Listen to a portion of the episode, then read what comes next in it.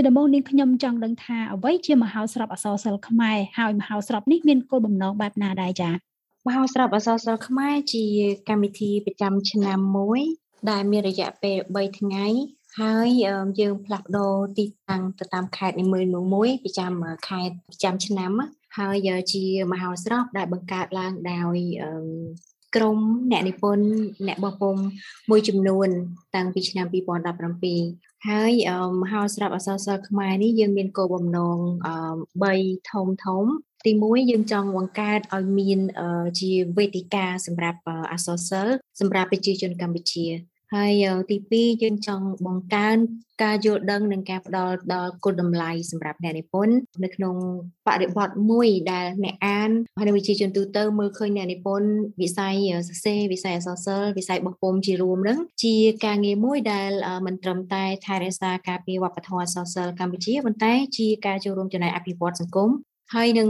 ទី3យើងចង់បង្កើតឲ្យមានឱកាសសម្រាប់ការកសាងបណ្ដាញនិងទីផ្សារសម្រាប់អ្នកនិពន្ធនិងអ្នកបង្ពុំនៅក្នុងស្រុកចា៎តើមហោស្រពអសរសិល្ប៍ខ្មែរលើកទី5នេះនឹងរៀបចំបែបណាខ្លះហើយប្រពឡើងនៅពេលណានិងកន្លែងណាដែរចា៎យើងនឹងរៀបចំមហោស្រពអសរសិល្ប៍ខ្មែរលើកទី5នៅខេត្តពោធិ៍សាត់និងនៅក្នុងខែតុលា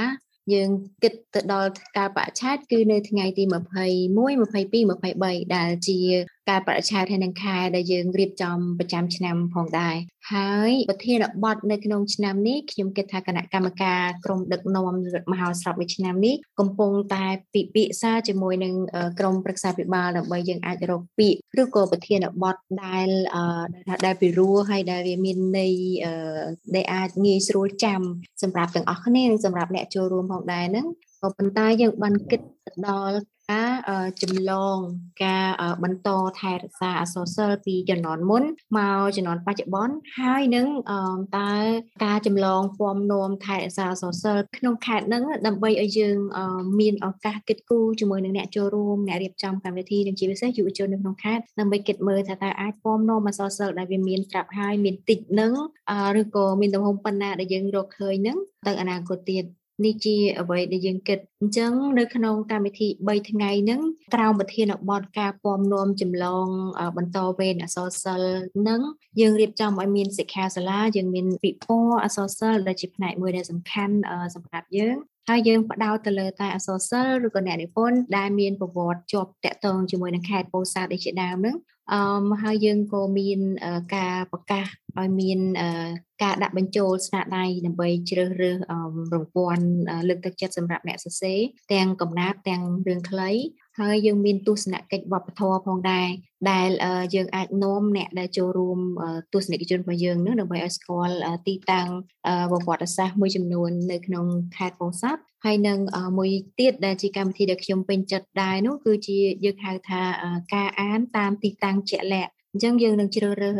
ទីតាំងចំនួន3នៅក្នុងខេត្តពោធិ៍សាត់ហ្នឹងដែលកើតឡើងក្នុងពេលដំណើរគ្នា មានអ្នកនិពន្ធដែលគាត់រៀបចំកម្មវិធីហ្នឹងផ្សេងផ្សេងគ្នានៅ3កន្លែងហ្នឹងអញ្ចឹងអ្នកដែលទៅចូលរួមសិក្សានៅសិស្សវិជ្ជាជនដែលគាត់ចាប់អារម្មណ៍នឹងប្រធានបទដែលកើតឡើងនៅទីតាំងមួយនេះជាក់លាក់គាត់ទៅទីតាំងមួយហ្នឹងហើយគាត់ត្រូវបាត់ ឱកាសក្នុងការចូលរួមនៅក្នុងកម្មវិធីពីរទៀតចឹងណាប៉ុន្តែយើងចង់បង្កើតឲ្យកម្មវិធីនេះវាមានសកម្មភាពផុសផុលនៅច្រើនកន្លែងក្នុងពេលតែមួយផងដែរហើយទីតាំងជាក់លាក់ហ្នឹងពួកយើងនឹងជជែកគ្នានឹងសម្រាប់ជ្រើសរើសចុងក្រោយដែរដោយយើងគិតថាយើងនឹងជ្រើសរើសយកតំបន់ដូចជាស្ទឹងពោធិ៍សាត់ស្ពានដែក ឬក៏កោះសំពៅមាជាដើមហ្នឹងជាពិសេសគឺកន្លែងដែលវាមាននៅក្នុង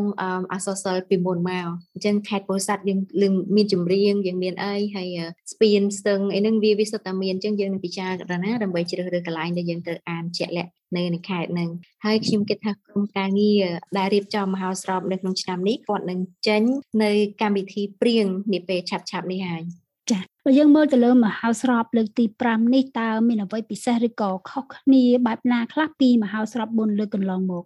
ខ្ញុំគិតថាអ្វីដែលខុសប្លែកគ្នានោះទី1គឺប្រធានបទដោយសារតែលក្ខណៈពិសេសមួយរបស់មហោស្រពអសរសិល្ប៍ខ្មែរគឺយើងព្យាយាមបង្កើតឲ្យមានប្រធានបទផ្សេងផ្សេងគ្នា អញ្ចឹងប្រធានបទនៅក្នុងឆ្នាំនេះគឺការបន្តវេនឬក៏ជាការស្ពានចម្លងអសរសិល្ប៍ហ្នឹងគ្រប់ប្រធានបទគឺយើងធ្វើដើម្បីឆ្លើយតបមួយប្រធានបទដែលវាខុសពីប្រធានបទឆ្នាំមុនដែលផ្ដោតទៅលើអសរសិល្ប៍បកប្រែហើយមួយទៀតខ្ញុំគិតថាត្រង់ថាដោយសារតែយើងធ្វើនៅក្នុងខេត្តនីមួយៗអញ្ចឹងលក្ខណៈពិសេសនិងទីតាំងប្រវត្តិសាស្ត្រ ស្ថានភាព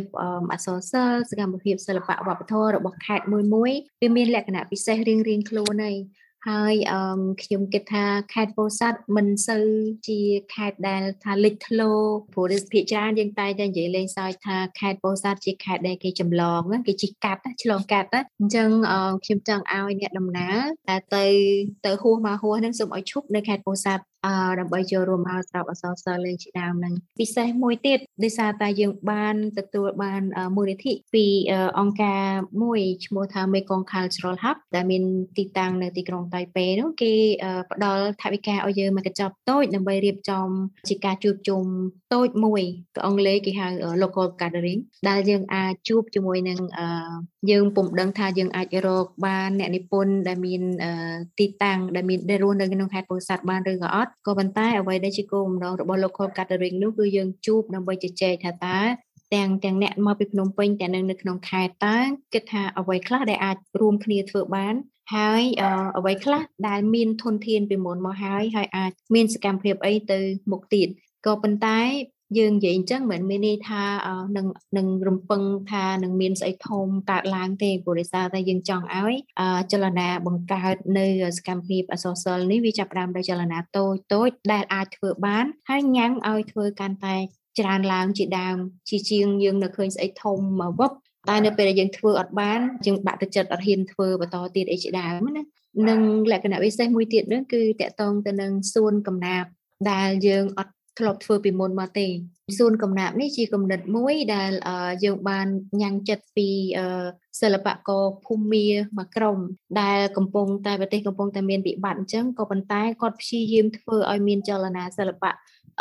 នៅក្នុងតំបន់ដែលគាត់ រស់នៅជុំគ្នានឹងដើម្បីឲ្យសិល្បករនឹងគាត់នៅតែមានអាការញ៉ាំងចិត្តក្នុងការបង្កើតស្នាដៃសិល្បៈរបស់ខ្លួនហើយវិជាពលរដ្ឋដែលធ្លាប់រងគ្រោះអីហ្នឹងគាត់នៅតែអាចមានសកម្មភាពទទួលបាននៅផលប៉ះពាល់ពីសិល្បៈអញ្ចឹងសកម្មភាពដែលគាត់ធ្វើគឺគាត់សរសេរកំណាត់នៅលើដុំថ្មព្យួរនៅលើដើមឈើ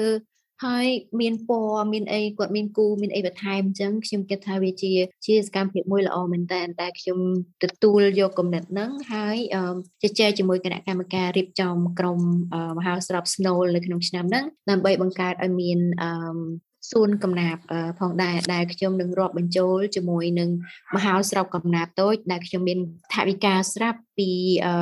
មូលនិធិ HBS ចា៎ ដោយសារតែមហោស្រពអសរសិល្ប៍ខ្មែរបានប្រពចំនួន4ដងរួចមកហើយអ្នកស្រីមើលឃើញថាមហោស្រពអសរសិល្ប៍ទាំង4ដងកន្លងមកនេះបានជំរុញឲ្យវិស័យអសរសិល្ប៍នៅកម្ពុជាយើងមានការផ្លាស់ប្ដូរបែបណាដែរចា៎ចាខ្ញុំគិតថានៅពេលដែលខ្ញុំឆ្លើយនឹងសំណួរនេះខ្ញុំ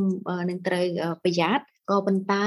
ខ្ញុំស្វាគមន៍បើសិនជាមានអ្នកនិពន្ធឬក៏មានអ្នកបោះពុំផ្សេងដែលគាត់គិតថាអូខ្ញុំនិយាយអត់ត្រូវស្វាគមន៍ក៏ប៉ុន្តែអ្វីដែលខ្ញុំសង្កេតឃើញគឺ